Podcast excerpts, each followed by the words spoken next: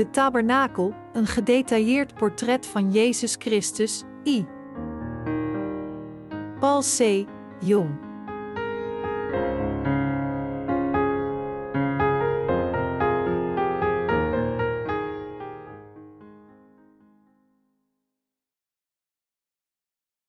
De zaligheid van de zondaars die geopenbaard wordt in de tabernakel. Exodus 27, 9, 21. Gij zult ook den voorhof des tabernakels maken, aan den zuidhoek zuidwaarts, zullen aan den voorhof behangselen zijn van fijn getweerd linnen, de lengte ener zijde zal honderd ellen zijn. Ook zullen zijn twintig pilaren, en derzelver twintig voeten, van koper zijn, de haken deze pilaren, en hun banden zullen van zilver zijn. Alzo zullen ook aan den noorderhoek, in de lengte, de behangsels honderd ellen lang zijn, en zijn twintig pilaren, en derzelver twintig voeten, van koper, de haken der pilaren, en derzelver banden zullen van zilver zijn. En in de breedte des voorhofs, aan den westerhoek, zullen behangselen zijn van vijftig ellen, hun pilaren tien, en derzelver voeten tien. Van gelijken zal de breedte des voorhofs, aan den oosterhoek oostwaarts, van vijftig ellen zijn. Alzo dat er vijftien ellen der behangselen op de ene zijde zijn, hun pilaren drie, en hun voeten drie, en vijftien ellen der behangselen aan de andere zijde, hun pilaren drie, en hun voeten drie. In de poort nu des voorhofs zal een deksel zijn van twintig ellen, hemelsblauw, en purper, en scharlaken, en fijn getweerd linnen, geborduurd werk, de pilaren vier, en hun voeten vier. Al de pilaren des voorhofs zullen rondom met zilveren banden bezet zijn, hun haken zullen van zilver zijn, maar hun voeten zullen van koper zijn. De lengte des voorhofs zal honderd ellen zijn, en de breedte doorgaans vijftig, en de hoogte vijf ellen, van fijn getweerd linnen, maar hun voeten zullen van koper zijn. Aangaande al het gereedschap des tabernakels, in al deszelfs dienst, ja, al zijn pennen, en al de pennen des voorhofs, zullen van koper zijn. Gij nu zult ten kinderen Israëls gebieden, dat zij tot u brengen reine olie van olijven, gestoten tot den luchter, dat men gedurig lijkt de lampen aansteken. In de tent ter samenkomst, van buiten den voorhang, die voor de getuigenis is, zal ze Aaron en zijn zonen toerichten, van den avond tot den morgen, voor het aangezicht des Heren. Dit zal een eeuwige inzetting zijn voor hun geslachten, vanwege de kinderen Israëls. De omheining van het rechthoekige voorhof van de tabernakel was honderd ellen lang. In de Bijbel was een el de lengte tussen iemands elleboog en het topje van zijn vinger, ongeveer 45 centimeter in de huidige maat. Dat de omheining van het voorhof van de tabernakel 100 ellen lang was, betekent dus dat het ongeveer 45 meter was, en de breedte was dus ongeveer 22,5 meter breed. Dit was dus de omvang van het huis waarin God, in de tijd van het Oude Testament onder het volk van Israël woonde. Het voorhof van de tabernakel was omgeven door een omheining. Heeft u misschien ooit eens een model van de tabernakel in een tekening of een schilderij gezien? In het algemeen gesproken was de tabernakel verdeeld in het voorhof en de tabernakel zelf, het huis van God. In dit huis van God de tabernakel, was een kleine structuur die het heiligdom werd genoemd. Het heiligdom was bedekt met vier verschillende voorhangen: een voorhang van getweerd linnen en blauwe, paarse en dieprode wol, een andere van geitenharen, die van rood geverfde lamsvellen en een voorhang van dassenhuiden. Aan de oostzijde van het voorhof van de tabernakel was de poort, geweven van blauwe, paarse en dieprode wol en getweerd linnen. Als we deze poort binnen zouden gaan, zouden we het brandofferaltaar en het wasbekken zien. Als we langs het wasbekken lopen, zouden we de tabernakel zelf zien. De tabernakel werd verdeeld in het heiligdom en het allerheiligdom, waar Gods ark van het verbond kon worden gevonden. De omheining van het voorhof van de tabernakel werd gebouwd binnen 60 pilaren met voorhangen van getweerd linnen. De tabernakel zelf werd daarentegen met 48 panelen en 9 pilaren gebouwd. We moeten tenminste een algemeen idee van de uiterlijke kenmerken van de tabernakel hebben om, door de omvang ervan, goed te kunnen begrijpen waarover God tot ons spreekt. Gods tegenwoordigheid was binnen de tabernakel dat gebouwd was met 48 panelen. God toonde boven de tabernakel zijn tegenwoordigheid aan het volk van Israël met de wolkkolom tijdens de dag en de vuurkolom tijdens de nacht. En binnenin het heilige der heiligen, waar Gods tegenwoordigheid was, vulde de heerlijkheid van God de ruimte. Binnenin het heiligdom waren de tafel der toonbroden, de kandelaar en het wierookaltaar, en binnenin het allerheiligdom waren de ark van het verbond en het verzoendeksel. Dit waren onbevoegde plaatsen voor het gewone volk van Israël. Slechts de priesters en de hoge priester konden de plaatsen volgens het systeem van de tabernakel binnen. Er staat geschreven: deze dingen nu, al dus toebereid zijnde, zo gingen wel de priesters in den eerste tabernakel, te alle tijden, om de godsdiensten te volbrengen. Maar in den tweede tabernakel ging alleen de hoge priester, eenmaal des jaars, niet zonder bloed, het welk hij offerde voor zichzelf en voor des volks misdaden. Hebreeën 9, 6, 7. Dit zegt ons dat in het huidige tijdperk slechts degenen die geloof van goud in het evangelie van het water en de geest hebben, hun leven met God kunnen leiden terwijl ze Hem dienen. Wat is de betekenis van het brood dat op de tafel der toonbroden wordt geplaatst? Het betekent het woord van God. Wat betekent het wierookaltaar dan? Het vertelt ons van de gebeden. Binnenin het allerheiligdom was de ark van het verbond, en het verzoendeksel die gemaakt was van puur goud, stond bovenop de ark. De cherubijnen strekten hun vleugels erboven uit en bedekten het verzoendeksel met hun vleugels en zij aanschouwden elkaar tegenover het verzoendeksel. Dit was het verzoendeksel, de plaats waar Gods genade geschonken werd. Binnenin de ark van het verbond waren twee stenen tafels waarin de tien geboden gegraveerd waren, de staf van Aaron en een pot gevuld met manna. De ark had een gouden deksel, het verzoendeksel, en erboven keken de cherubijnen omlaag naar het verzoendeksel. Waar leven zij die de verlossing van de zonde hebben ontvangen? De plaats waar degenen leven die de verlossing van de zonde hebben ontvangen, is binnenin het Heilige der Heiligen. Het Heilige der Heiligen werd gebouwd met 48 panelen, die alle met goud bedekt waren. Denk daarover na. Als u naar de gouden muur van niet maar, maar een handvol, maar van 48 gouden panelen kijkt, hoe schitterend zou dat wel niet zijn? Als het interieur van het heilige der heiligen en alle gebruiksvoorwerpen op deze manier gemaakt zijn van puur goud, dan zouden ze enorm schitteren. Het brandofferaltaar en het wasbekken in het voorhof van de tabernakel waren gemaakt van brons, en de omheining van het voorhof was gemaakt van pilaren die bedekt waren met zilver en getweerd wit linnen. De gebruiksvoorwerpen binnenin het heilige der heiligen waren daarentegen gemaakt van goud, de kandelaar was goud en ook de tafel van de toonbroden. Als alle dingen in het heilige der heiligen en de driezijdige muren dus van puur goud gemaakt waren, zou de binnenkant van het heilige der heiligen altijd met een gouden schittering blinken. Dat de binnenkant van het heilige der heiligen dus schitterde met gouden glans, zegt ons dat de geredde heiligen hun vorige geloofsleven in Gods kerk leefden. De heiligen die in hun geloof in het evangelie van het water en de geest leefden, zijn net als het pure goud dat in het heilige der heiligen gevonden wordt.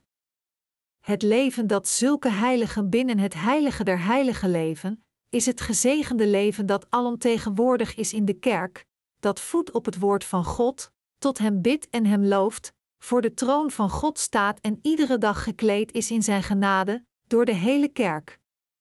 Dit is het geloofsleven binnen het heilige der heiligen. U moet het u te harte nemen dat slechts de rechtvaardigen die gered zijn door het evangelie van het water en de geest, dit waardevolle geloofsleven binnen het heilige der heiligen kunnen leven. God verdeelde het binnenste en buitenste van het heilige der heiligen duidelijk. Zoals de meeste huizen omheiningen hebben, zo had het voorhof van de tabernakel ook een omheining van 60 pilaren en was omhangen met getweerd linnen. Aan de oostkant van het voorhof was een poort, die 9 meter breed was en gemaakt was van blauwe, paarse en dieprode wol en getweerd linnen, geplaatst.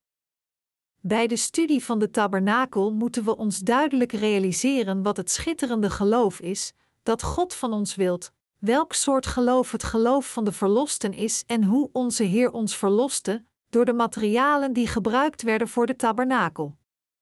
Om te leren wat het gouden en schitterende geloof is dat gevangen is binnenin het heilige der heiligen, moeten we eerst aandachtig naar het wasbekken, het brandofferaltaar en de omheining die in het voorhof van de tabernakel geplaatst waren, kijken, en naar alle materialen die ervoor gebruikt werden. Door dit te doen, kunnen we ontdekken welk soort geloof we kunnen binnengaan in het schitterende gouden en stralende heilige der heiligen. Wat was er in het voorhof van de tabernakel? Er was het wasbekken en het brandofferaltaar. En het was omheind door zestig pilaren, en op deze pilaren waren de behangselen van getweerd linnen geplaatst als de omheining van het voorhof. Deze pilaren van deze omheining waren gemaakt van sittimhout dat ondanks de hardheid erg licht is. De pilaren die gemaakt waren van dit hout waren ongeveer 2,25 meter hoog, wat het voor de meeste mensen van normale grootte onmogelijk maakte om van de buitenkant van de omheining van het voorhof in de tabernakel te kijken. Als iets opzettelijk was neergelegd om erop te gaan staan, dan zou iemand waarschijnlijk in het hof kunnen kijken, maar zonder zo'n hulp was het onmogelijk om naar binnen te kijken. Dit vertelt ons dat we het koninkrijk van God nooit kunnen binnengaan door onze eigen menselijke inspanningen. Op de uiteinden van de houten pilaren van het voorhof waren bronzen voeten geplaatst en hun toppen waren gekapt met zilveren kapitelen. Omdat de pilaren niet zelfstandig konden staan, hielden de zilveren banden de opeenvolgende pilaren stevig aan elkaar vast. En om de pilaren stevig in kruiselingse richtingen te ondersteunen, werden de zilveren haken in het zilveren dek van de pilaren met de koorden aan de bronzen tentpinnen vastgebonden. Exodus 35, 18. Wat waren de materialen die voor de poort van het voorhof van de tabernakel gebruikt werden? De materialen die voor de poort van het voorhof van de tabernakel gebruikt werden, waren blauwe, paarse en dieprode wol en getweerd linnen. De hoogte van de poort was 2,25 meter en de breedte was ongeveer 9 meter. Het was een scherm dat geweven was van blauwe, paarse en dieprode wol en getweerd linnen en aan vier pilaren hing.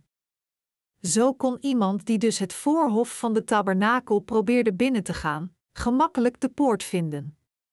De materialen van blauwe, paarse en dieprode wol en getweerd linnen die gebruikt werden voor de poort van de tabernakel, toonden dat God ons van al onze zonden zou redden door de vier werken van zijn zoon Jezus. Alle zestig houten pilaren en het getweerde linnen van de omheining van het voorhof van de tabernakel tonen ook duidelijk door welke methode God ons door zijn zoon Jezus van onze zonden zou redden. Door de poort van het voorhof van de tabernakel onthulde God met andere woorden duidelijk het mysterie van de zaligheid aan ons. Laat ons nog eens de materialen doornemen die voor de poort van het voorhof van de tabernakel gebruikt zijn: blauwe, paarse en dieprode wol en getweerd linnen. Deze vier stoffen zijn van enorm belang voor ons om gered te worden door in Jezus te geloven. Als deze materialen niet van belang waren, zou de Bijbel ze niet zo gedetailleerd hebben opgenomen. Alle materialen die voor de poort van het voorhof van de tabernakel gebruikt werden, zijn absoluut noodzakelijk voor God om ons te redden. Het feit dat de poort echter van blauwe, paarse en dieprode wol en getweerd linnen geweven was zonder fout, is echter uiterst belangrijk voor God om de zondaars te redden, omdat deze vier materialen de openbaring zijn van Gods volmaakte zaligheid. Zo heeft God het beslist. Daarom toonde God het model van de tabernakel aan Mozes op de berg Sinaï en zei hem om de poort van het voorhof van de tabernakel zo te maken. Wat is de betekenis van de blauwe, paarse en dieprode wol en het getweerde linnen? De poort van het heiligdom was gemaakt van een gordijn van geweven blauwe, paarse en dieprode wol en het getweerde linnen en de voorhang tussen het heiligdom en het allerheiligdom was ook geweven van deze vier materialen. Niet alleen dit, maar de efot en de borstplaat van de hoge priester waren ook geweven van blauwe, paarse en dieprode wol en getweerd linnen. Wat zegt ons dan de blauwe, paarse en dieprode wol en getweerd linnen? Wat zeggen deze blauwe, paarse en dieprode wol en getweerd linnen die voor onze Heer absoluut nodig waren om ons te redden, ons dan? We moeten zeker stellen dat we deze kwestie nauwer onderzoeken.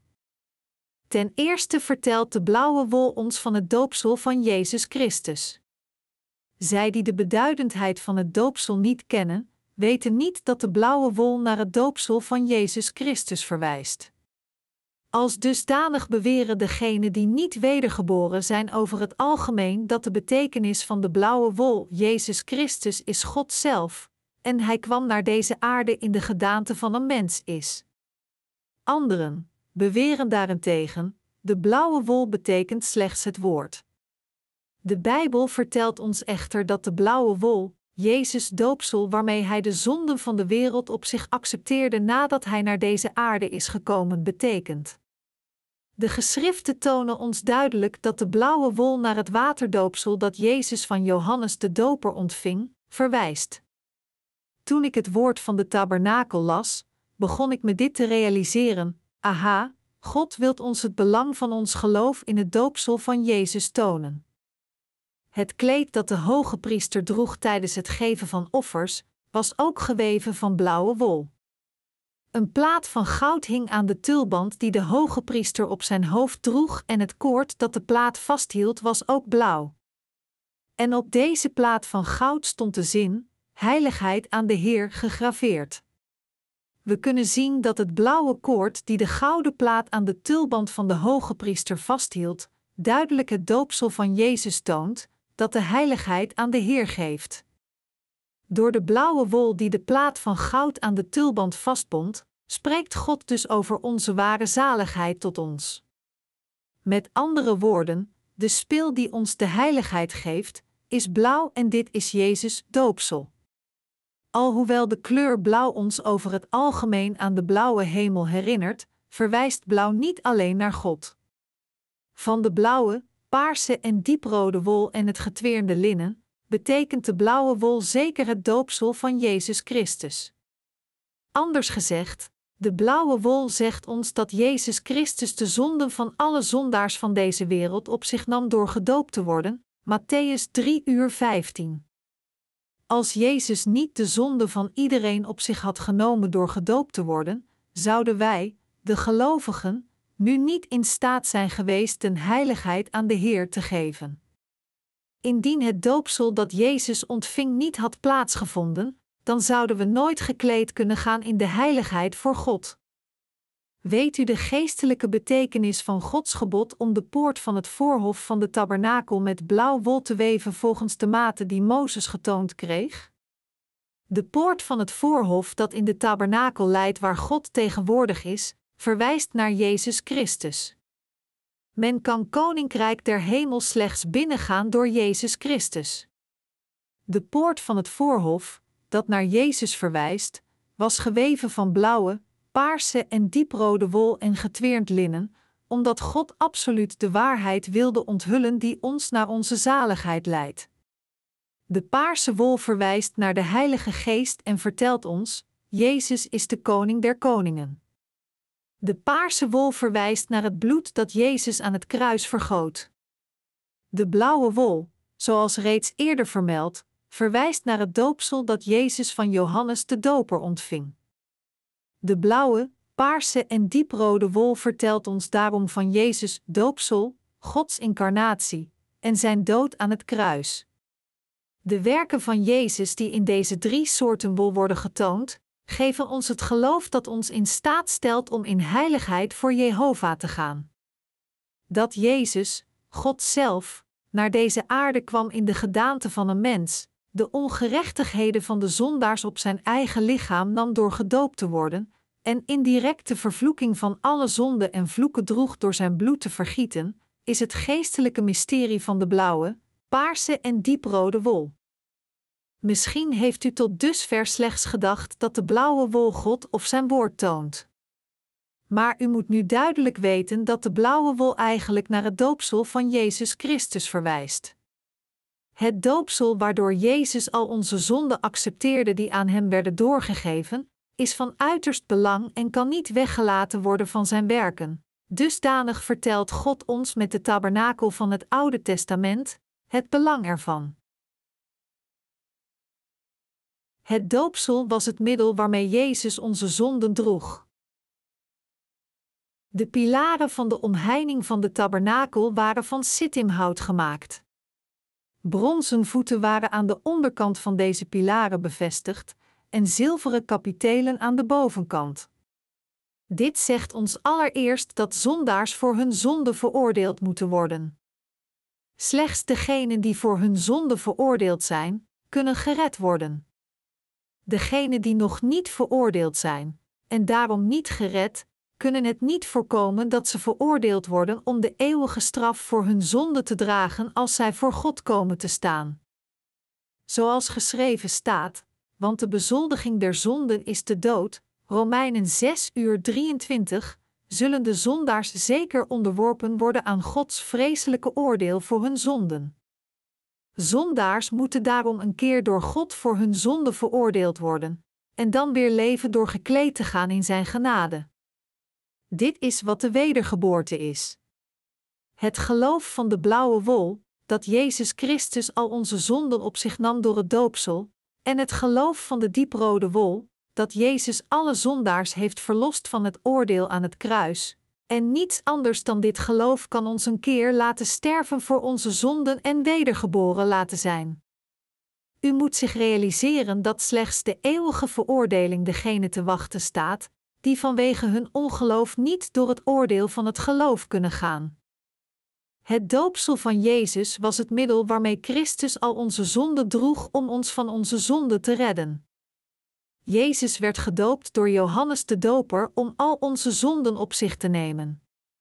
Jezus is God zelf, en toch om ons te redden, kwam Hij naar deze aarde in de gedaante van een mens, nam alle ongerechtigheden van de zondaars op zich door gedoopt te worden van Johannes de Doper, de vertegenwoordiger van de mensheid, en werd indirect veroordeeld voor de zondaars door zijn eigen lichaam aan het kruis op te geven en door water en bloed te vergieten. De poort van het voorhof van de tabernakel vertelt ons tot in het kleinste detail over de werken dat Jezus als onze Verlosser vervulde. Door de poort van het voorhof van de tabernakel vertelt God ons duidelijk dat Jezus de Verlosser van de zondaars is geworden. Het getweerd linnen verwijst naar het woord van het Oude en Nieuwe Testament, dat zo gedetailleerd is en met elkaar overeenkomt. Hoe ingewikkeld zou iedere draadgaren geweven zijn om dit getweerd linnen te maken? Door het getweerde linnen vertelt God ons gedetailleerd hoe Hij ons heeft gered. Als we naar de kleden kijken, zien we dat zij geweven zijn van verschillende wol. God zei de Israëli's ook dat ze de poort van de tabernakel moesten maken door blauwe, paarse en dieprode wol op getweerd linnen te weven. Dit zegt ons dat Jezus, die naar ons kwam door het water, doopsel, het bloed, kruis en de Heilige Geest, Jezus is God, welke verborgen zijn in het ingewikkelde woord van God, de deur tot onze zaligheid is. Door het juiste geloof in Jezus Christus te hebben, dat onthuld is in het ingewikkelde woord van God en door gekleed te zijn in Zijn liefde, zijn we nu volledig gered door geloof. Jezus Christus redde ons niet per toeval. We kunnen dit zien als we naar de tabernakel kijken. Jezus heeft de zondaars tot in het detail gered. We kunnen ons realiseren hoe gedetailleerd Hij ons redde als we alleen al naar de pilaren van de omheining kijken. Waarom is het aantal pilaren van de omheining 60 en niet een ander getal? Het is omdat het getal 6 naar de mens verwijst, terwijl het nummer 3 naar God verwijst. In Openbaring 13 verschijnt het teken 666 en God zegt ons dat dit getal het getal van het beest is en dat de wijzen het mysterie van dit getal kennen. Het getal 666 betekent daarom dat de mens als God handelt. Wat is de wens van de mensheid? Is het niet om een volmaakt goddelijk wezen te worden? Als we werkelijk als een goddelijk wezen worden, dan moeten we wedergeboren zijn door in Jezus te geloven en de kinderen van God te worden. De 60 pilaren verwijzen gedetailleerd naar deze verwikkeling. In plaats van geloof te hebben, begaan de mensen echter de opschepperige, slechte daad om door hun eigen inspanningen deelnemers van de goddelijke natuur te willen zijn. Niets anders dan dit is de reden waarom mensen het hele woord volgens de lusten van de mens interpreteren en verkeerd geloven in hun eigen menselijke gedachten, want zij hebben geen geloof, maar slechts de lust die tegen God is.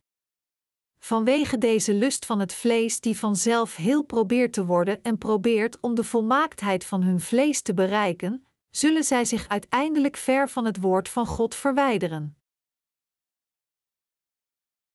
Het woord van zaligheid dat onthuld wordt in alle dingen van de tabernakel. Alle dingen en materialen van de tabernakel waren nodig voor Jezus Christus om de zondaars te redden en hun naar het heilige der heiligen te trekken. Het brandofferaltaar was nodig, het wasbekken was nodig, en de pilaren, de bronzen voeten, de zilveren kapitelen, en ook de haken en zilveren banden waren nodig. Al deze dingen waren de werktuigen die buiten het heilige der heiligen werden gevonden en hun materialen waren alle noodzakelijk om een zondaar in een rechtvaardige te keren. Al deze dingen waren noodzakelijk om het voor zondaars mogelijk te maken om het koninkrijk van God binnen te gaan en er te leven, maar het meest belangrijke onder deze dingen was de blauwe wol, Jezus doopsel. De blauwe, paarse en dieprode wol waren gebruikt om de poort van het voorhof van de tabernakel te maken. Deze wol verwijst naar de drie werken van Jezus, die voor ons nodig zijn als we in God geloven. Ten eerste kwam Jezus naar deze aarde en nam al onze zonden op zich met zijn doopsel, ten tweede is Jezus God, Geest, en ten derde stierf Jezus aan het kruis om de veroordeling van alle zonden die hij op zich geaccepteerd had door Johannes in de Jordaan, te dragen. Dit is de juiste volgorde van het ware geloof dat de zondaars nodig hebben om gered en rechtvaardig te worden. Als we de Bijbel lezen, kunnen we ons realiseren hoe ingewikkeld onze Heer is. We kunnen duidelijk ontdekken dat de ene die ons zo gedetailleerd gered heeft, draad voor draad als het getweerde linnen, niemand minder is dan God zelf. Bovendien liet God de Israëli's de poort van het voorhof van de tabernakel maken door blauwe, paarse en dieprode wol opgetweerd linnen met een lengte van 9 meter, te laten weven. Als dusdanig verzekerde God dat iedereen die naar de tabernakel keek, zelfs van ver weg, de poort van het voorhof van de tabernakel kon onderscheiden. De doeken van het getweerde linnen hingen over de pilaren van het voorhof van de tabernakel dat Gods heiligheid toont. We kunnen ons dus realiseren dat zondaars het niet durven om de tabernakel te benaderen en dat zij slechts het voorhof kunnen binnengaan als zij gered zijn door in de diensten van Jezus, die getoond worden in de blauwe, paarse en dieprode wol dat geweven is in de poort van het voorhof van de tabernakel, te geloven. Op deze manier heeft God de zondaars in staat gesteld te weten dat Jezus Christus al hun zonden heeft uitgewist en hun redde door het water, het bloed en de Heilige Geest. Niet alleen dit, maar de materialen van alle voorwerpen waaruit de tabernakel bestond, inclusief de poort van het voorhof, tonen ons ook het ingewikkelde woord dat voor God nodig is om de zondaars in rechtvaardigen te keren omdat God de Israëli's zei dat ze de poort van het voorhof van de tabernakel groot genoeg moesten maken zodat iedereen het kon vinden, en omdat deze poort gemaakt was door ingewikkeld blauwe, paarse en dieprode wol op getweerd linnen te weven, stelde God iedereen in staat om het belangrijke woord dat zondaars in rechtvaardige keert, duidelijk te begrijpen. De poort van het voorhof van de tabernakel vertelt ons dat God degene die als zittimhout zijn, volledig gered heeft van de zonde door de blauwe wol, Jezus doopsel, de dieprode wol, het bloed aan het kruis, en de paarse wol, Jezus is God. God heeft besloten dat slechts degenen die duidelijk hierin geloven, het heiligdom kunnen binnengaan, het huis van God. Jezus Christus zegt ons. God zegt ons dat we gereinigd moeten worden van al onze zonden door Jezus doopsel en dat we voor de Heer moeten staan om het gouden, schitterende leven te leiden. Daarom toonde God zelf het model van de tabernakel aan Mozes, bouwde het door Mozes en liet het volk van Israël er de verlossing van de zonde ontvangen door de instelling van dit tabernakel. Laat ons kort het geloof dat ons door het voorhof van de tabernakel en in het heiligdom nam, samenvatten. God blijft, door het voorhof van de tabernakel, tegen ons spreken over ons geloof in de waarheid dat Jezus ons door het water, het bloed en de Heilige Geest gered heeft.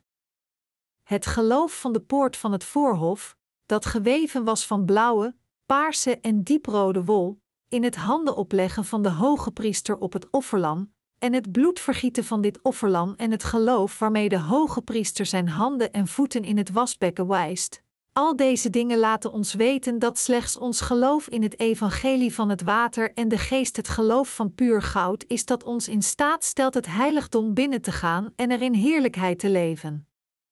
Door de tabernakel stond God ons allen toe om de genade van de zaligheid en zijn zegen te ontvangen.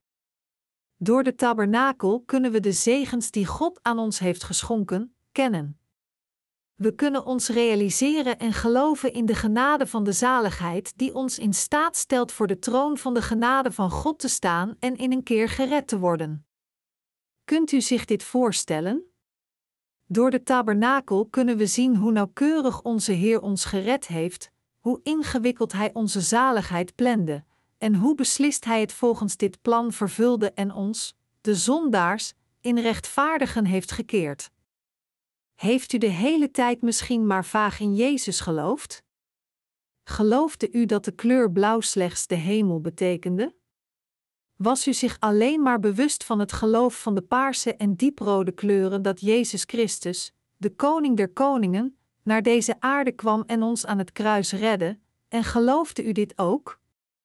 Indien ja, dan is het nu tijd om het ware geloof te vinden.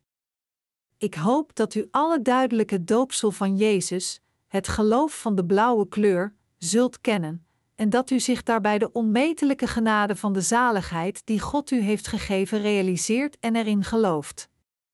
God heeft ons niet alleen door het bloed en de Heilige Geest gered. Waarom? Omdat God duidelijk tot ons spreekt van de blauwe, paarse en dieprode kleuren en door deze drie draden vertelt Hij ons precies hoe Jezus ons heeft gered.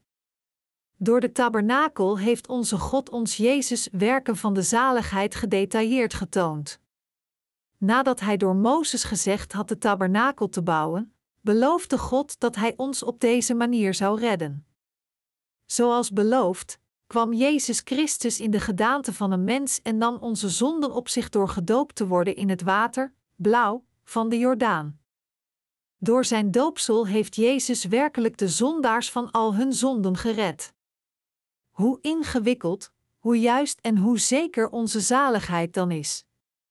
Als we het heiligdom binnengaan, kunnen we de kandelaar zien, de tafel der toonbroden en het wierookaltaar.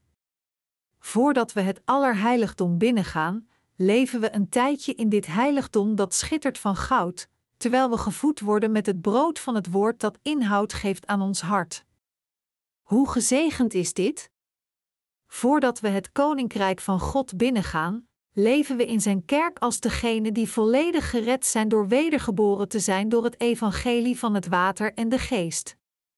Gods kerk die ons het brood des levens geeft, is het heiligdom. In het heiligdom, dat wil zeggen Gods kerk, staat de kandelaar, de tafel der toonbroden en het wierookaltaar. De kandelaar met zijn schacht, armen, schalen, ornamentele knoppen en bloemen, was uit een stuk gemaakt door een stuk puur goud te bewerken. De kandelaar, die gemaakt was door een talent louter goud te bewerken, vertelt ons dat we de rechtvaardigen moeten verenigen met Gods kerk. Op de tafel der toonbroden is ongegist brood geplaatst, wat het brood van het pure woord van God symboliseert dat vrij is van het kwaad en de smerige leringen van de wereld. Het heilige der heiligen van God, dat wil zeggen Gods kerk, preekt dit pure woord van God dat zonder enige gist is en leeft volgens het pure geloof zonder enig kwaad te doen voor God. Voor de voorhang van het allerheiligdom was het wierookaltaar geplaatst. Het wierookaltaar was waar de gebeden aan God werden gegeven. Door de gebruiksvoorwerpen van het heilige der heiligen zegt God ons nu, als we voor Hem staan, dat we ons moeten verenigen, in Zijn pure woord en Zijn gebeden moeten geloven. Slechts de rechtvaardigen kunnen bidden, want God luistert slechts naar de gebeden van de rechtvaardigen. Jesaja 59, 1-2, Jacobus 5 uur 16. En slechts degenen die voor God bidden kunnen Hem ontmoeten. Het heiligdom vertelt ons ook hoe glansrijk het is voor ons is om in Gods kerk gered te zijn. De belangrijkste materialen die voor de tabernakel gebruikt zijn: de blauwe wol, Jezus was gedoopt, de dieprode wol, Jezus nam al onze zonden op zich door zijn doopsel en stierf aan het kruis en droeg de verdoemenis van onze zonden, en de paarse wol, Jezus is God, verwijst naar het geloof dat we absoluut moeten hebben. Deze drie omvatten alles van ons geloof. Als we geloven dat Jezus de Zoon van God is en in wezen God zelf en dat Hij ons heeft gered, dan kunnen we het heiligdom dat schittert van goud en waar God aanwezig is, binnengaan. Als we niet geloven in de werken van Jezus, die getoond worden in deze drie draden, dan kunnen we nooit het heiligdom binnengaan, hoe vurig we ook in Jezus geloven. Niet alle christenen kunnen het allerheiligdom binnen. Zij die in het voorhof van de tabernakel blijven met een verkeerd geloof. Tegenwoordig zijn er veel christenen die niet in staat zijn om het allerheiligdom binnen te gaan, zelfs als zij hun geloof verkondigen. Er zijn met andere woorden veel mensen die proberen om gered te worden met hun blinde geloof. Niemand anders dan degene die denken dat zij gered kunnen worden door slechts in het bloed van Jezus Christus te geloven, en dat Hij God zelf is en de Koning der Koningen, zijn zulke mensen. Zij geloven op een vereenvoudigde manier in Jezus. Terwijl ze slechts in het bloed van Jezus geloven, staan zij voor het brandofferaltaar en bidden blindelings: Heer, ik ben nog steeds een zondaar. Vergeef me, Heer. Ik geef u al mijn dank, Heer, omdat u in mijn plaats gekruisigd en gestorven bent. O Heer, ik houd van u. Nadat ze dit es-ochtends doen, gaan ze verder met hun leven en keren es-avonds weer terug naar het brandofferaltaar en geven hetzelfde gebed.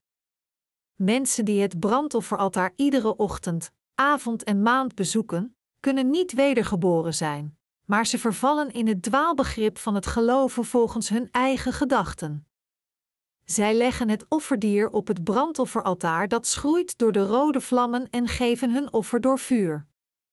Omdat het vlees in de vlammen wordt verbrand, verspreidt de geur van het brandende vlees zich en zwarte en witte rook blijft opstijgen. Het brandofferaltaar is geen plaats om te huilen en God te vragen om onze zonde te laten verdwijnen, maar het is in feite een plaats die ons aan het vreselijke vuur van de hel doet denken. De mensen gaan echter iedere ochtend en avond naar deze plaats en zeggen: Heer, ik heb gezondigd. Vergeef me alstublieft. Dan gaan ze, tevreden met zichzelf, naar huis, alsof ze werkelijk van hun zonde vergeven zijn. Zij kunnen zelfs zo gelukkig zijn dat ze zingen: Ik ben vergeven, u bent vergeven, wij zijn alle vergeven. Maar zulke gevoelens zijn slechts kortstondig. Binnen de kortste keren zondigen zij weer en vinden ze zichzelf terug voor het brandofferaltaar terwijl ze biechten: Heer, ik ben een zondaar. Zij die iedere dag van en naar het brandofferaltaar reizen, zijn nog steeds zondaars, ondanks hun zogenaamde geloof in Jezus. Zulke mensen kunnen nooit het heilige koninkrijk van God binnengaan. Wie kan dan volledig de verlossing van de zonde ontvangen en het heiligdom van God binnengaan? Het zijn de mensen die weten en geloven in het mysterie van de blauwe, paarse en dieprode wol die door God bepaald is. Zij die hierin geloven, kunnen aan het brandofferaltaar voorbijlopen volgens hun geloof in de dood van Jezus dat hun zonde aan hem doorgaf, hun handen en voeten in het wasbekken wassen en zichzelf eraan herinneren dat al hun zonden aan Jezus waren doorgegeven door zijn doopsel, en dan het heiligdom van God binnengaan. Degenen die in het evangelie van het water en de geest geloven, en de verlossing van de zonden hebben ontvangen, gaan het koninkrijk der hemel binnen volgens hun geloof, want hun geloof is door God goedgekeurd. Ik hoop dat u zich alle realiseert en gelooft dat de bijbelse betekenis van de blauwe wol het doopsel van Jezus is. Er zijn tegenwoordig velen die zogenaamd in Jezus geloven, maar slechts weinigen gaan zo ver dat ze in het water, de blauwe wol, geloven, het doopsel van Jezus. Dit is een diep treurig verschijnsel. Het is ook de oorzaak van grote ellende dat zoveel mensen het allerbelangrijkste geloof in het doopsel weglaten van hun christelijke geloof, zelfs als Jezus niet alleen naar deze aarde kwam als God en slechts aan het kruis stierf. Ik hoop en bid dat zelfs op dit moment u alle het geloof in de blauwe, paarse en dieprode wol zult kennen en erin zult geloven, en daarbij degene wordt die het koninkrijk van God binnengaan. We moeten geloven in de Heer die getoond wordt in de blauwe, paarse en dieprode wol van de tabernakel, het wezenlijke dat ons gered heeft. Onze Heer heeft ons gered. Als we naar de tabernakel kijken, kunnen we ontdekken met welke nauwkeurige methode de Heer ons heeft gered. We kunnen Hem niet genoeg hiervoor danken. We zijn zo dankbaar dat de Heer ons door de blauwe, paarse en dieprode wol heeft gered en dat Hij ons ook het geloof heeft gegeven dat in deze blauwe, paarse en dieprode wol gelooft. Zondaars kunnen nooit het heiligdom binnengaan zonder gekleed te zijn in Gods genade en door zijn vreselijke oordeel van hun zonden te zijn gegaan. Hoe kan iemand die niet voor zijn slash haar zonde veroordeeld is, ooit de deur van de tabernakel openen en het heiligdom binnengaan? Dat kunnen ze niet. Als zo'n mensen het heiligdom binnengaan, dan zullen ze bij de eerste schitterlicht blind worden. Goh, het is zo fel hier binnen. Jee, hoe komt het dat ik niets kan zien? Toen ik buiten was, dacht ik dat ik alles in het heiligdom kon zien als ik er maar naar binnen zou kunnen. Waarom kan ik helemaal niets zien, en waarom is het zo donker hier? Ik kon goed zien toen ik buiten het heiligdom was. Mij werd verteld dat het heiligdom een schitterende plaats was. Hoe kan het dat het er zelfs nog donkerder is? Zij kunnen niet zien omdat zij geestelijk blind zijn geworden, want zij hebben niet het geloof in de blauwe, paarse en dieprode wol. De zondaars kunnen daarom ook niet het heiligdom binnen. Onze Heer heeft ons in staat gesteld niet te verblinden in het heiligdom, maar om de zegen te ontvangen om eeuwig in het heiligdom te leven. Door de blauwe, paarse en dieprode wol en het getweerde linnen dat in ieder kwart van de tabernakel wordt gevonden, heeft God ons precies de methode van onze zaligheid verteld. En volgens dit woord van de profetie heeft Hij ons inderdaad van al onze zonden verlost. Onze Heer heeft ons gered door het water, het bloed en de Heilige Geest. 1 Johannes 5, 4, 8, zodat we niet zullen verblinden, maar eeuwig in Zijn schitterende genade zullen leven. Hij heeft ons door de blauwe, paarse en dieprode wol en het getweerde linnen gered. Onze Heer beloofde ons met het ingewikkelde woord van God en Hij heeft ons verteld dat Hij ons heeft gered door deze belofte te vervullen. Gelooft u dat u en ik gered zijn door de ingewikkelde werken van Jezus die getoond worden in de blauwe, paarse en dieprode wol en het getweerde linnen? Ja. Zijn we slechts toevallig gered? Nee. we kunnen niet gered worden zonder in de blauwe, paarse en dieprode wol te geloven. De blauwe wol verwijst niet naar God.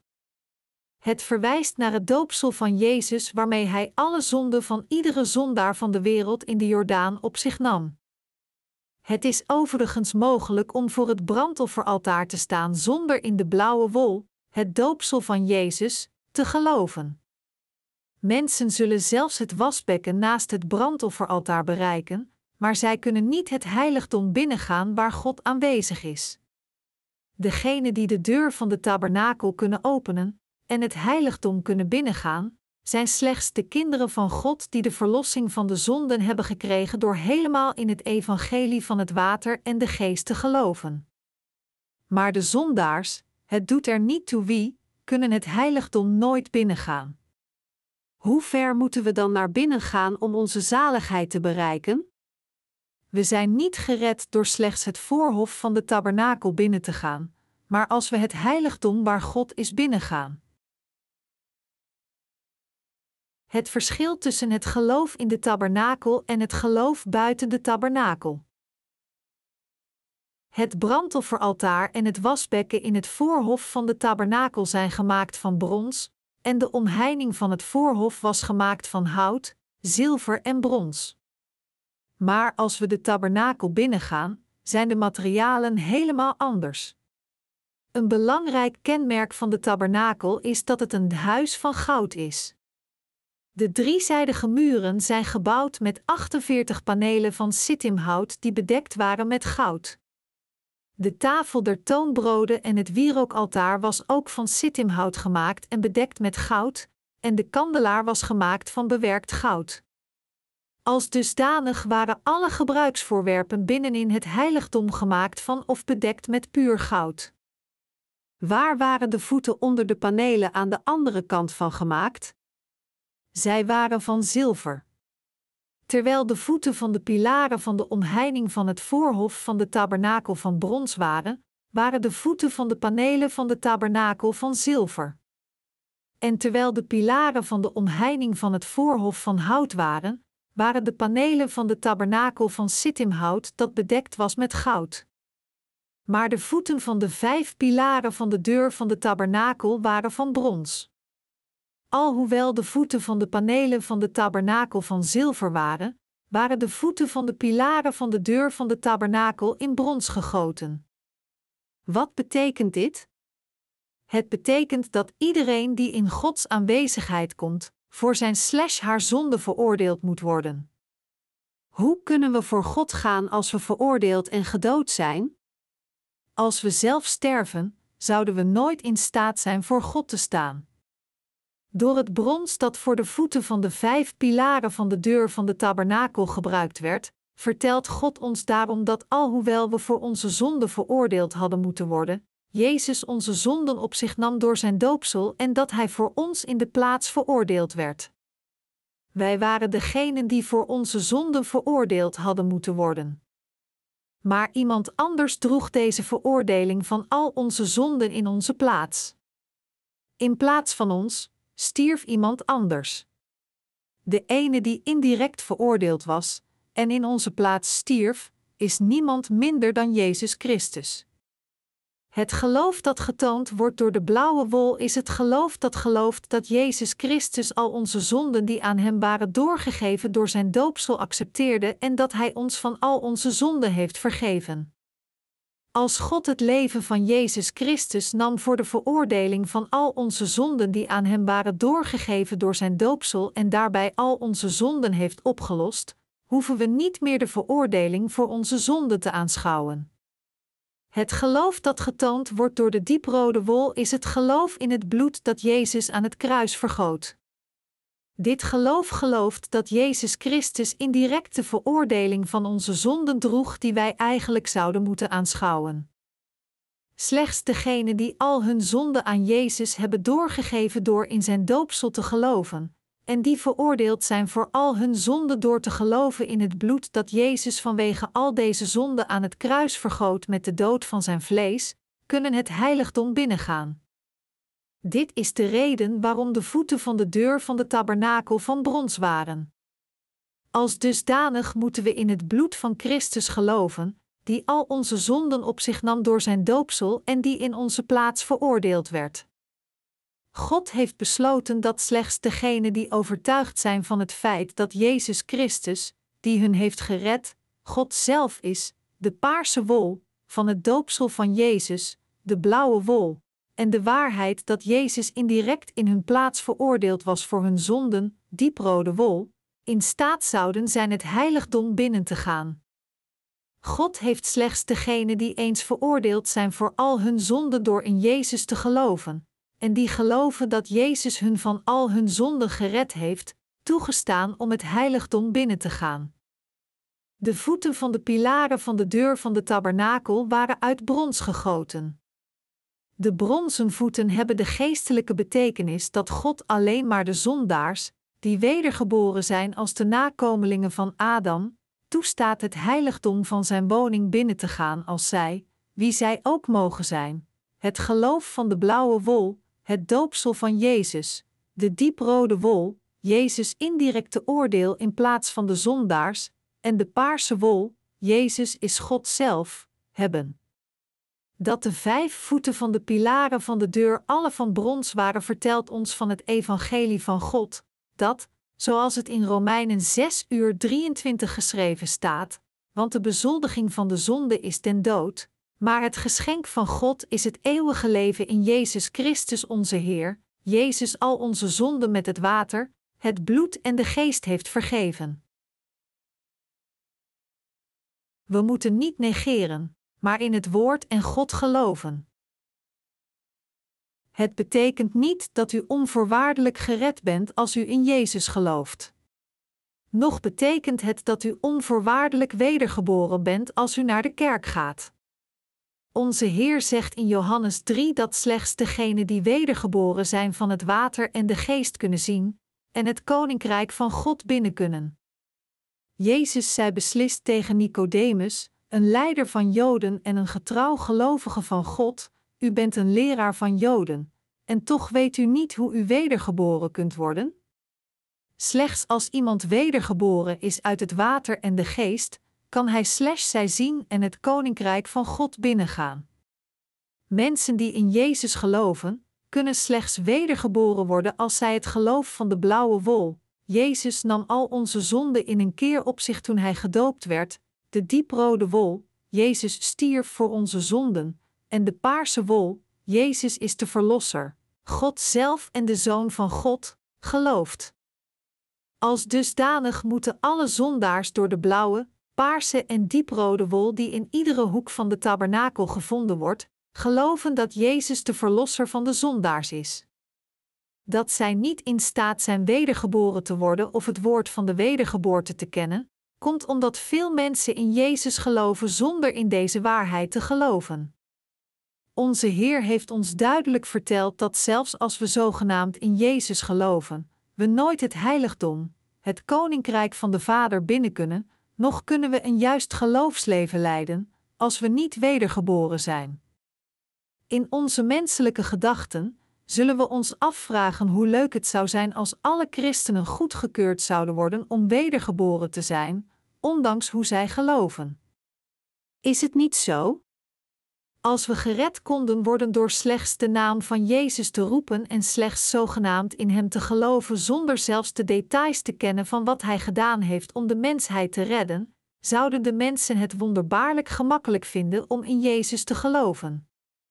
We zullen Hem danken als we een nieuwe Christen tegenkomen, terwijl we zingen: Ik ben vergeven, U bent vergeven, we zijn alle vergeven. Wat voor zin heeft het om te getuigen terwijl er zoveel gelovigen zijn? De dingen zijn goed zoals ze zijn.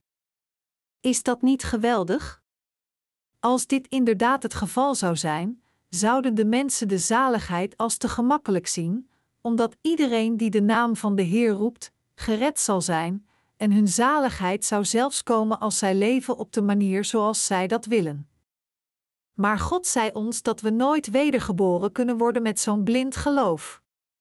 Integendeel, Hij zei ons dat degenen die beweren dat ze gered zijn zonder zelfs het evangelie van het water en de geest te kennen, alle onwettigheid praktiseren.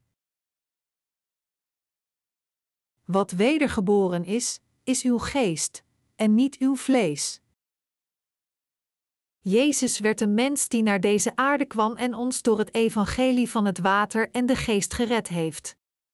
Jozef, Jezus' vader in het vlees, was een timmerman, Matthäus 13 uur 55, en Jezus diende zijn familie onder deze timmermansvader, waarbij hij zelf voor de eerste 29 jaar van zijn leven als een timmerman werkte.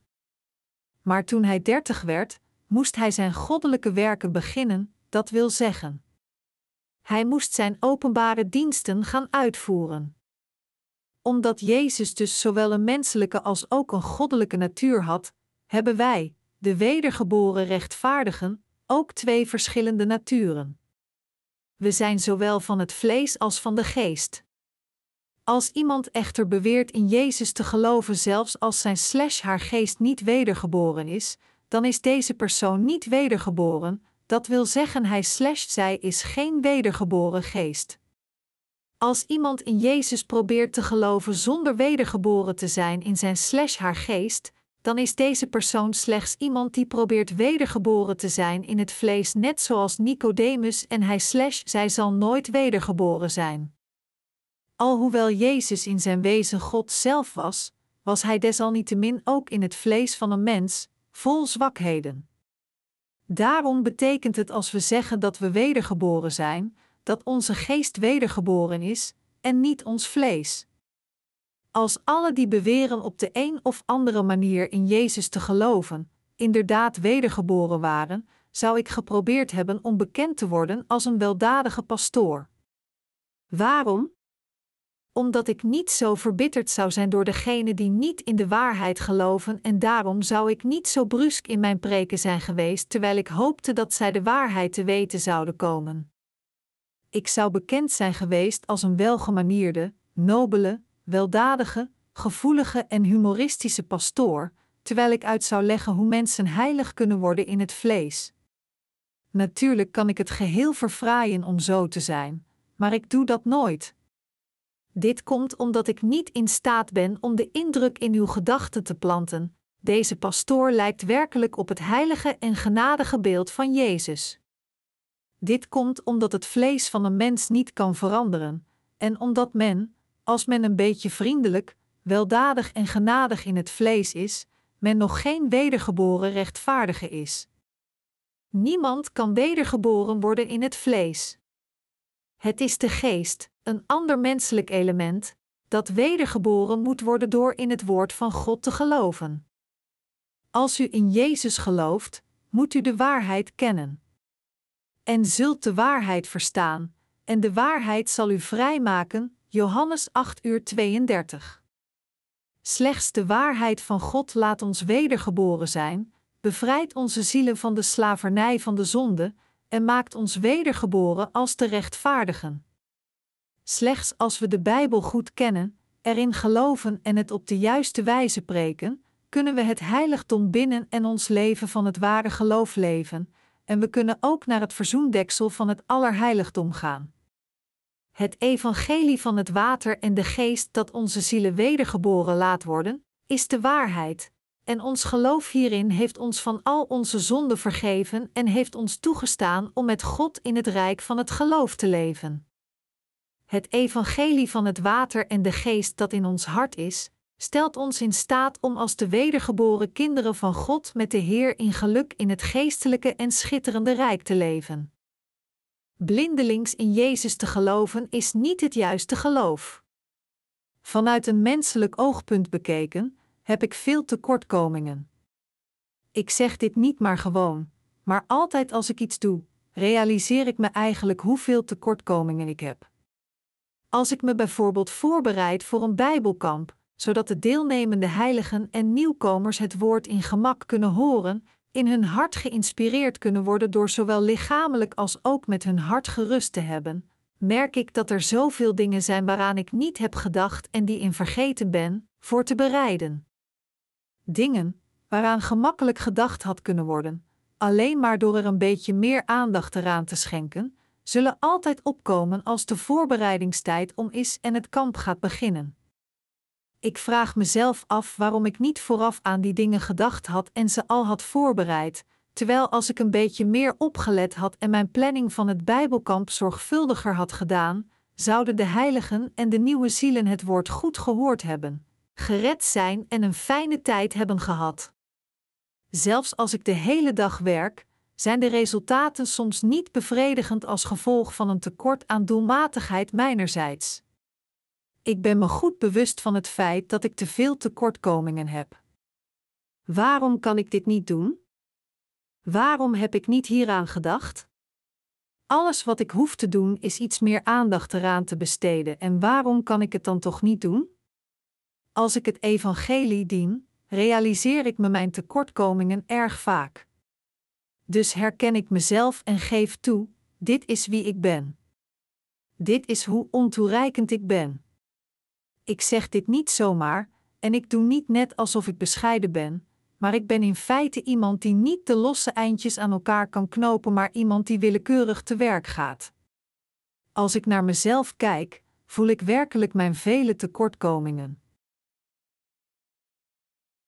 We ontvangen heiligheid door het geloof van de blauwe wol. Mensen denken van zichzelf dat ze alles kunnen doen zonder fouten te maken. Maar als zij werkelijk een taak aanpakken, wordt hun ware bekwaamheid en tekortkomingen duidelijk onthuld. Zij merken dat zij werkelijk onvoldoende zijn en dat zij slechts kunnen zondigen en fouten kunnen maken. Als mensen denken dat ze het redelijk goed doen, bedriegen zij zichzelf ook door te denken dat zij naar het koninkrijk van God gaan omdat hun geloof zo goed is. Maar het vlees verandert nooit. Er is geen vlees zonder tekortkomingen, en het doet altijd verkeerd en onthult de tekortkomingen. Als u toevallig denkt dat u naar het koninkrijk van God kunt gaan vanwege enkele goede daden die uw vlees heeft gedaan, dan moet u zich realiseren dat wat uw vlees dan ook goed gedaan mogen hebben, dit voor God totaal nutteloos is. Het enigste dat ons in staat stelt om het koninkrijk van de Heer binnen te gaan, is ons geloof in het woord van de waarheid, de blauwe, paarse en dieprode wol, dat de Heer ons heeft gered. Omdat onze Heer ons door de blauwe, paarse en dieprode wol heeft gered, kunnen wij het heiligdom binnengaan door slechts hierin te geloven. Als God ons niet door de blauwe, paarse en dieprode wol had gered, zouden wij allen niet in staat zijn het heiligdom binnen te gaan. Het doet er niet toe hoe sterk ons geloof is, we kunnen er niet naar binnen. Waarom? Omdat, als dit het geval zou zijn, dit zou betekenen dat ons geloof van het vlees iedere dag goed moet zijn om ons in staat te stellen om er naar binnen te gaan. Als we het koninkrijk van God slechts kunnen binnengaan als ons geloof iedere dag goed genoeg is, hoe zouden wij dan, die zo zwak van het vlees zijn, ooit ons geloof iedere dag goed laten zijn en in staat zijn er naar binnen te gaan? Als er geen manier voor ons is om zelf de verlossing van de zonde te krijgen, en als we geen geloof hebben om iedere dag die we zondigen terug te draaien, hoe kunnen we dan ooit ons geloof goed genoeg maken om het koninkrijk van God binnen te gaan? Onze lichamen zouden heilige lichamen moeten zijn die helemaal niet zondigen, of we zouden iedere dag onze berouwgebeden moeten geven en moeten vasten. Maar wiens lichaam is ooit heilig en wie kan dit ooit doen? Als God ons niet door de blauwe, paarse en dieprode wol gered had, zou er niemand zijn die in staat zou zijn om het koninkrijk van de hemel binnen te gaan. We zijn zo dat ons geloof een moment goed kan zijn, maar het volgende moment verdwijnt. Als ons geloof goed wordt om meteen daarna weer te verdwijnen, raken we verward of we nu werkelijk geloof hebben of niet, en we zullen uiteindelijk zelfs het geloof dat we eerst hadden, verliezen. Uiteindelijk worden we zelfs nog meer zondig, lang nadat we eerst in Jezus zijn gaan geloven. Maar Jezus heeft ons, de onvoldoende zondaars, volmaakt gered volgens zijn plan van de zaligheid dat getoond wordt in de blauwe, paarse en dieprode wol en het getweerd linnen. Hij heeft ons de verlossing van onze zonden gegeven. Slechts als we dit bewijs hebben, kunnen we de gouden plaat heiligheid aan de Heer aan onze tulband bevestigen, net zoals de hoge priester, Exodus 28, 36, 38. Dan kunnen we het priesterschap uitvoeren. Degenen die hun heiligheid aan de Heer aan de mensen kunnen getuigen terwijl ze Hem dienen als Zijn dienaren, zijn degenen die het bewijs in hun hart hebben dat zij de verlossing van de zonde door het evangelie van het water en de geest hebben ontvangen. Een gouden plaat was aan de tulband van de hoge priester bevestigd en deze gouden plaat was ook met een blauwe koord aan de tulband bevestigd. Waarom zei God dan dat de tulband met deze blauwe koord gebonden diende te worden? Onze Heer had de blauwe wol nodig om ons te redden, en deze blauwe wol verwijst naar het doopsel dat Jezus ontving om al onze zonden op zich te nemen. Als de Heer niet onze zonden had weggevaagd door ze in het Nieuwe Testament met zijn doopsel, dezelfde vorm als het opleggen van handen in het Oude Testament, op zich te nemen, dan zouden we niet de heiligheid van Jehovah kunnen ontvangen, hoe goed wij ook in Jezus geloven. Daarom was de gouden plaat met een blauwe koord aan de tulband bevestigd. En iedereen die de hoge priester met de gouden plaat ziet waarop heiligheid aan de Heer gegraveerd staat, kan zichzelf eraan herinneren dat zij heilig moeten zijn voor God om de verlossing van hun zonde te ontvangen. En het laat de mensen denken hoe zij heilig kunnen zijn voor God. Wij moeten ons dan ook eraan herinneren hoe we de rechtvaardigen zijn geworden. Hoe zijn we de rechtvaardigen geworden? Laat ons Matthäus 3 uur 15 lezen. Maar Jezus, antwoordende, zeide tot hem: Laat nu af, want al dus betaamt ons alle gerechtigheid te vervullen. Toen liet hij van hem af. Jezus heeft ons alle van onze zonden gered door gedoopt te worden. Omdat Jezus onze zonden op zich nam met zijn doopsel, zijn degenen die hierin geloven, zondeloos. Hoe zouden wij zelfs durven zeggen dat we zondeloos zouden zijn, als Jezus niet gedoopt was? Heeft u de verlossing van de zonde gekregen door slechts uw geloof te beleiden in Jezus, dood aan het kruis met oprechte tranen in uw ogen? Er zijn zoveel mensen die, terwijl ze het moeilijk vinden om triest te zijn door de dood van Jezus, iemand waarmee ze helemaal geen relatie hebben, de tranen eruit proberen te persen door te denken aan de dood van hun grootouders, de moeilijkheden die ze hadden toen ze ziek werden, of de moeilijke tijd en verdriet van het verleden.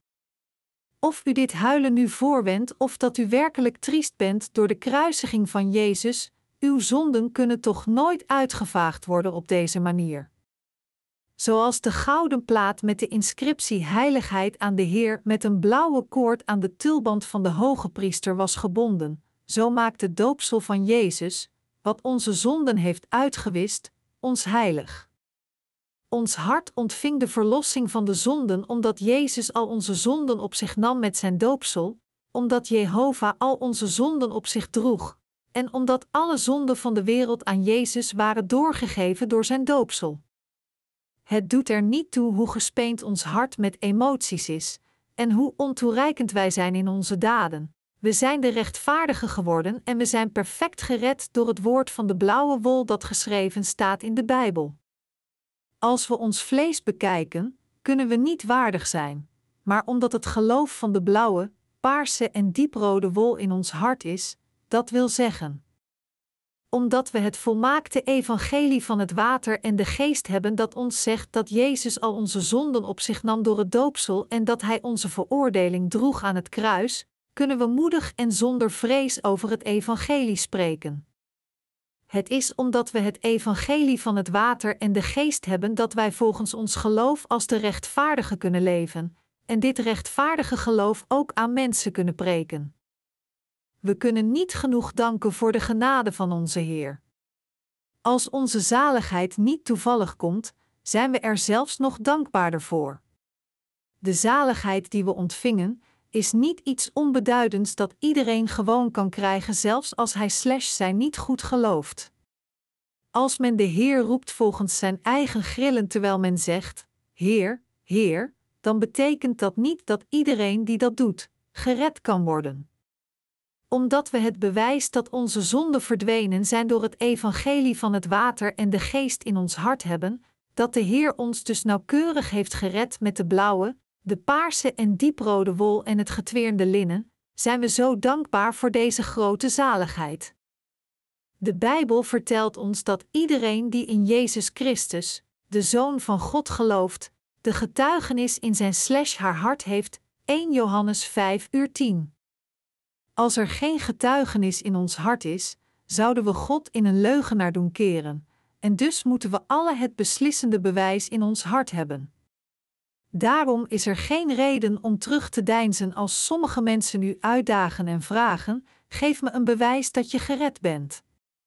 Je zegt dat als mensen de verlossing van de zonde ontvangen, zij de Heilige Geest als geschenk ontvangen, en dat er een duidelijk bewijs van zaligheid is. Geef me dat bewijs. U kunt het bewijs moedig als volgt geven: Ik heb het evangelie van het water en de geest waarmee Jezus me volledig gered heeft, in mij. Omdat ik volledig door Hem gered ben, heb ik geen zonde. Als je geen bewijs van je zaligheid in je hart hebt, dan ben je niet gered. Het doet er niet toe hoe vurig mensen in Jezus geloven. Dit alleen draagt niet bij tot hun zaligheid. Dit is slechts een onbeantwoorde liefde. Het is een liefde die geen acht slaat op hoe de andere persoon zich zal voelen. Als iemand waar wij niet van kunnen houden, een hartkloppingen heeft en iets van ons verwacht, liefde voor ons voelt en naar ons kijkt alsof hij slash zij sterft van de liefde, dan betekent dat niet dat we deze persoon ook moeten liefhebben. God neemt ook niet degene in zijn armen die de verlossing van hun zonde niet hebben ontvangen, alleen maar omdat hun hart pijn doet voor hem. Niets anders dan dit is de onbeantwoorde liefde van de zondaars voor God. Als we God liefhebben, moeten we Hem liefhebben door in Zijn woord van de waarheid te geloven. Onze liefde voor Hem moet niet van een kant komen. We moeten Hem onze liefde voor Hem vertellen, en we moeten eerst uitvinden of Hij ons werkelijk lief heeft of niet, voordat we Hem liefhebben. Als we al onze liefde aan de andere persoon geven die ons eigenlijk niet lief heeft, dan zullen we met een gebroken hart eindigen. Onze Heer heeft ons gekleed in de heerlijkheid van de zaligheid van onze zonden, zodat we er niet voor veroordeeld hoeven te worden. Hij heeft ons ook toegestaan om het koninkrijk van God binnen te gaan en er met God te leven, en Hij heeft ons het geschenk gegeven dat ons in staat stelt om de verlossing van de zonde te ontvangen door de genade van God. Gods zaligheid heeft ons ontelbare geestelijke zegens van de hemel gebracht. Alleen al deze zaligheid die God ons gegeven heeft, heeft ons, met andere woorden, in staat gesteld om deze zegens van Hem te ontvangen. De zaligheid die Jezus zelf aan ons gebracht heeft. Onze Heer heeft ons gered door de blauwe, paarse en dieprode wol. Hij heeft ons de zaligheid gegeven die gemaakt is van drie verschillende draden. Deze zaligheid van de blauwe, paarse en dieprode wol is niets anders dan het geschenk van de zaligheid dat God ons heeft gegeven. Dit geschenk van de zaligheid stelt ons in staat om het heiligdom binnen te treden en er te leven. Het evangelie van het water en de geest heeft ons in rechtvaardigen gekeerd. Het stond ons toe om in Gods kerk te komen en er een leven van reinheid te leven. En het ware evangelie stelt ons in staat om op het geestelijke woord van God te voeden en om Zijn genade te ontvangen. Het heeft ons ook toegestaan om voor de troon van genade van God te staan en te bidden en ons daarbij het geloof te geven waarmee we de overvloedige genade die God ons heeft geschonken, als die van ons te zien. Alleen door onze zaligheid heeft God zulke grote zegens van ons gemaakt. Daarom is zaligheid zo waardevol. Jezus zei ons dat we onze geloofshuizen op een rots moesten bouwen, Matthäus 7 uur 24. Deze rots is niets minder dan onze zaligheid die door het evangelie van het water en de geest komt. Daarom moeten we alle ons geloofsleven leiden door gered te zijn. We moeten de rechtvaardigen worden door gered te zijn, het eeuwige leven genieten door gered te zijn, en de hemel binnengaan door gered te zijn. De eindtijd van deze wereld nadert. De mensen hebben daarom in deze tijd nog meer redenen om gered te worden volgens het exacte woord. Er zijn enkele mensen die zeggen dat men gered kan worden door alleen maar grofweg in Jezus te geloven, zonder het geloof van de blauwe, paarse en dieprode wol te kennen en dat er geen noodzaak is om over het geloofsleven te praten, want het verstikt om op deze manier gered te worden. De reden waarom ik dit echter herhaaldelijk zeg, is dat slechts degenen die de verlossing van de zonde in hun hart hebben verkregen, hun geloofsleven kunnen leiden dat God goedkeurt. Omdat het hart van iedere heilige die de verlossing van de zonde heeft ontvangen, de heilige tempel is waar de Heilige Geest aanwezig is, moet hij slash zij zijn slash haar geloofsleven leiden om deze heiligheid niet te schenden. Hoe de rechtvaardigen hun leven leiden, is in een heel andere dimensie dan hoe de zondaars leven. Vanuit Gods standpunt leven de zondaars volledig beneden zijn standaard. Hun leven is slechts gevuld met huichelarij. Zij proberen erg hard om volgens de wet te leven. Zij bepalen hun eigen normen over hoe zij moeten lopen, hoe zij hun levens moeten leiden, hoe zij moeten praten en hoe zij moeten lachen. Maar dit is verre verwijderd van het geloofsleven dat de rechtvaardige leven. God vertelt de rechtvaardigen gedetailleerd: Heb de Heer uw God lief met heel uw hart en maak uw naasten sterk en heb hen lief zoals u uzelf lief heeft. Dit is de manier van leven dat God de rechtvaardigen heeft gegeven. Het is voor ons rechtvaardigen, juist om ons leven te leven door God met ons hele hart lief te hebben, en door Zijn wil met al onze kracht en wil te volgen. Om onze naasten te redden, moeten we ontelbare investeringen maken in Zijn werken. Dit is het leven van de christenen. Als we op een niveau blijven waar we denken dat het slechts telt dat wij zelf niet zondigen, dan kunnen we niet het getrouwe leven van de wedergeboren christenen leven. Voordat ik wedergeboren was, leidde ik een wettisch geloofsleven in een conservatieve presbyteriaanse denominatie en wat het leven van de wet betrof, probeerde ik me er volledig aan te houden. Tegenwoordig doen de mensen dat niet meer, maar omdat ik mijn religieuze leven van vroeger heb geleid, was ik enorm geneigd om me in mijn dagelijkse leven aan de wet te houden. Ik was zo gehoorzaam aan de wet dat ik nooit werkte op de dag des Heren, omdat de wet gebood dat de sabbat herinnerd en heilig gehouden moest worden, tot in de mate dat ik es zondags zelfs nooit auto reed. Als ik van u verlangde om zo te leven, dan zou er bijna niemand zijn die zo'n wettisch leven kon leiden. Zo wettisch was mijn leven voordat ik wedergeboren was. Het deed er echter niet toe hoe godsvruchtig ik mijn religieuze tijd doorbracht, het had niets met Gods wil te maken en was absoluut nutteloos. Lezers, hebben jullie het geloof van de blauwe, paarse en dieprode wol? Omdat Jezus zaligheid door deze drie draden omvat wordt, kunnen wij door ons geloof het heiligdom binnen. Onze zaligheid werd meer dan 2000 jaar geleden vervuld.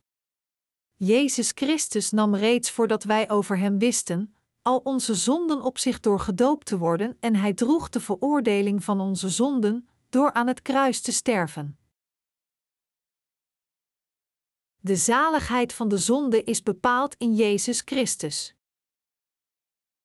Als degenen die niet wedergeboren zijn, de tabernakel binnengaan, dan gaan zij niet door de poort van het voorhof, maar zij klimmen illegaal over de omheining. Zij zeggen: Waarom is het getweerde linnen van de omheining zo wit? Het is zo drukkend. Zij hadden het met wat rood en blauw moeten verven. Dat is wat tegenwoordig modern is. Maar deze omheining is gewoon te wit. Het komt te veel naar voren. En waarom is het zo hoog? Het is meer dan 2,25 meter hoog. Ik ben zelf nog geen 2 meter lang, hoe zou ik dan naar binnen moeten komen als de omheining zo hoog is? Goed, ik kan er overheen klimmen als ik een ladder gebruik. Zulke mensen proberen door hun eigen goede daden naar binnen te komen. Zij klimmen met hun offers, vrijwilligerswerken en geduld over de omheining van het voorhof van de tabernakel en zij springen van de omheining af terwijl ze zeggen: Ik kan zeker 2,25 meter omlaag springen. Als zij dus in het voorhof van de tabernakel zijn geklommen, kijken zij om en zien het brandofferaltaar. Dan nemen zij hun ogen van het altaar af en kijken naar het heiligdom en het eerste wat zij zien is het wasbekken dat ervoor ligt. De hoogte van de pilaren van de omheining van het voorhof van de tabernakel is 2,25 meter, maar de hoogte van de pilaren en het scherm van de deur van het heiligdom waar God aanwezig is, is 4,5 meter. De mensen kunnen, als zij genoeg uithoudingsvermogen hebben, door hun wil het voorhof van de tabernakel binnengaan. Maar zelfs als zij over de 2,25 meter hoge omheining springen en het voorhof van de tabernakel binnengaan, zullen zij nog de 4,5 meter hoge pilaren en een scherm van de deur van het heiligdom aanschouwen als zij proberen binnen te gaan waar God woont. Mensen kunnen door hun eigen inspanningen over 2,5 meter springen. Maar zij kunnen niet over 4,5 meter springen die door God bepaald zijn. Dit is hun grens. Dit betekent dat als we pas in Jezus geloven, we slechts kunnen geloven als een religie. Sommige mensen kunnen ook door hun eigen wil in Jezus als hun verlosser geloven. En ze kunnen ook geloven dat de verlosser slechts één van de vier grote zagen is. Het doet er niet toe hoe de mensen geloven, zij kunnen hun eigen geloof hebben op de manier die zij kiezen, maar zij kunnen niet werkelijk wedergeboren zijn door zo'n geloof. Om werkelijk wedergeboren te zijn, moeten we, door ons geloof, door de poort van de blauwe, paarse en dieprode wol gaan. We zijn voor God wedergeboren door te geloven dat Jezus onze Verlosser is en de deur van de waarheid en dat Hij ons heeft gered door het water, het bloed en de geest. Het geloof dat in de werken van Jezus gelooft, dat getoond wordt in de drie draden, is niets minder dan het geloof van het water, het bloed en de geest. De mensen zijn vrij om in iets anders te geloven, maar er is absoluut geen positief bewijs dat zij gered en enorm gezegend kunnen worden door zo te geloven.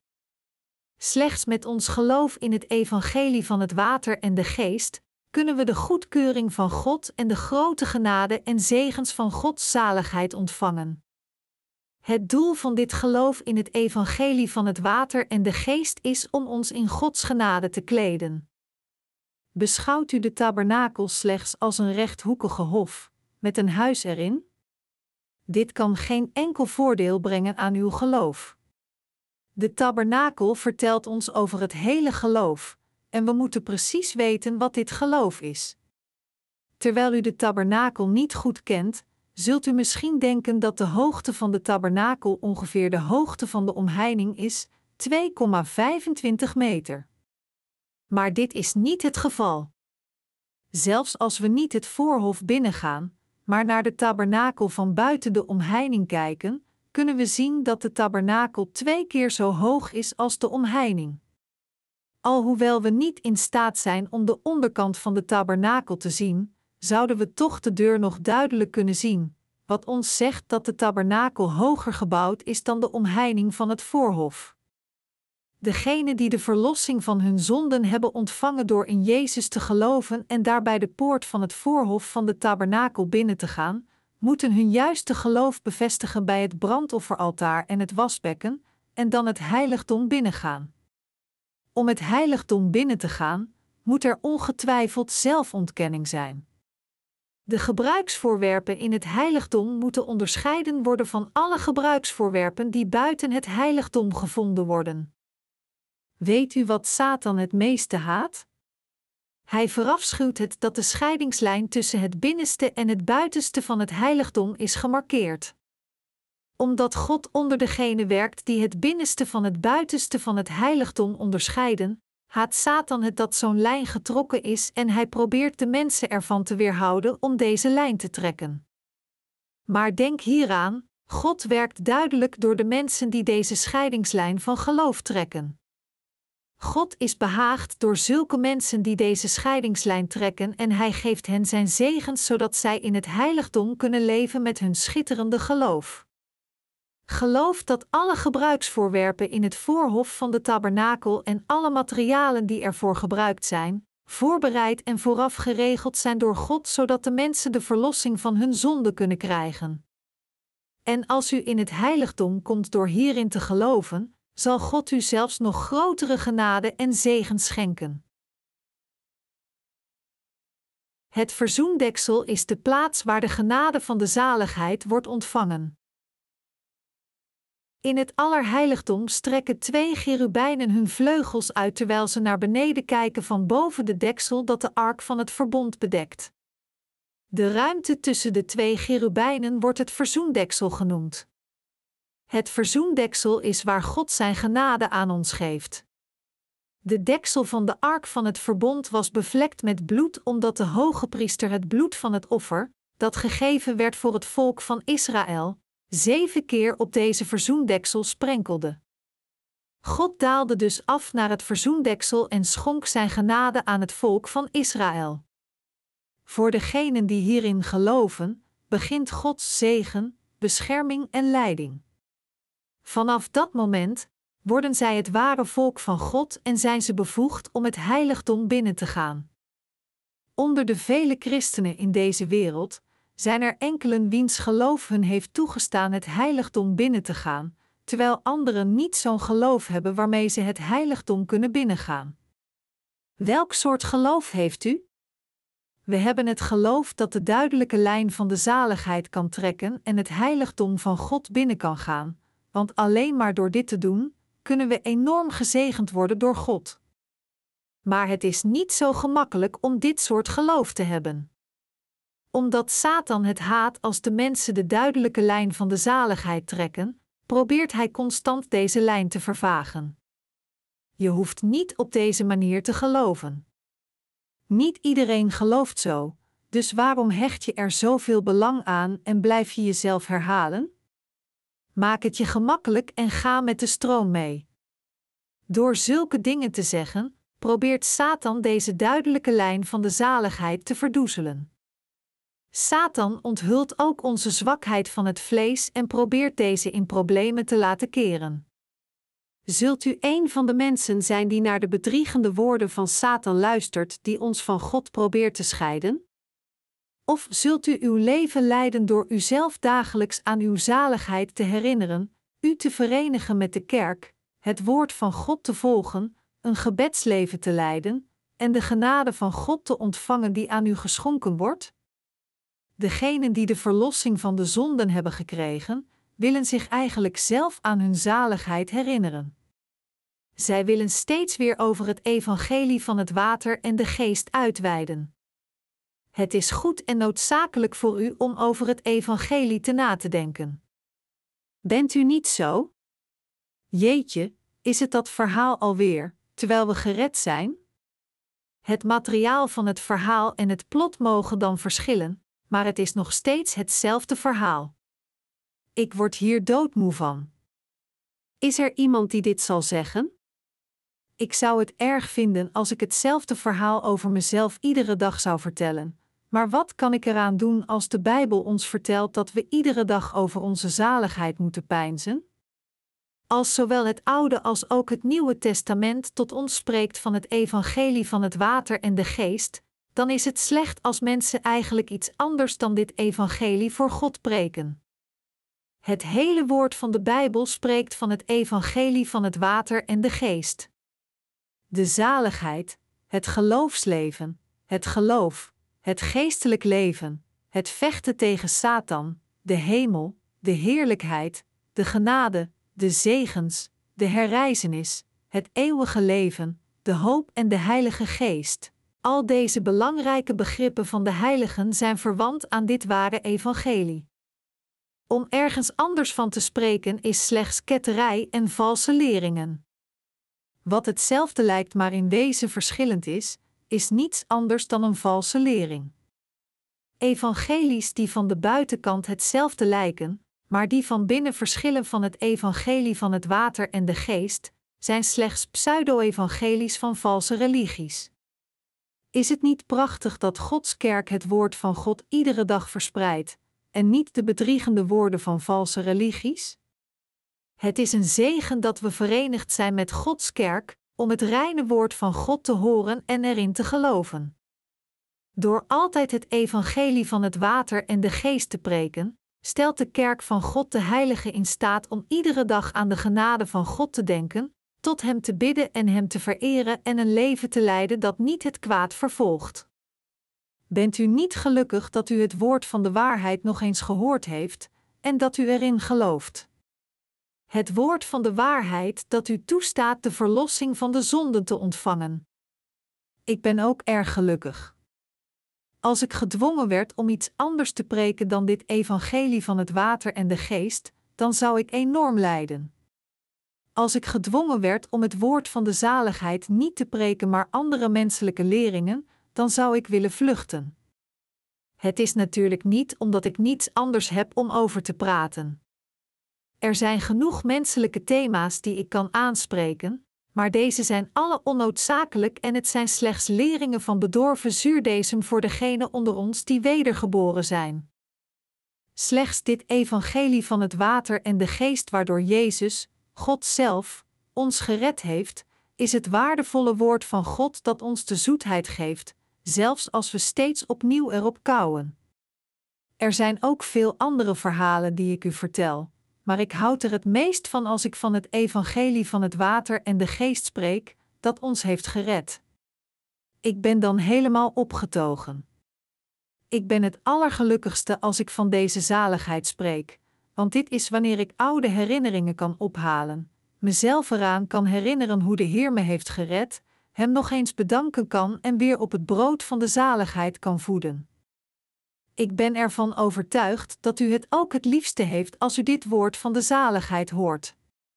Misschien beklaagt u zich wel dat het iedere dag hetzelfde verhaal is, maar diep in uw hart denkt u: nu dat ik het weer gehoord heb, is het zelfs nog beter.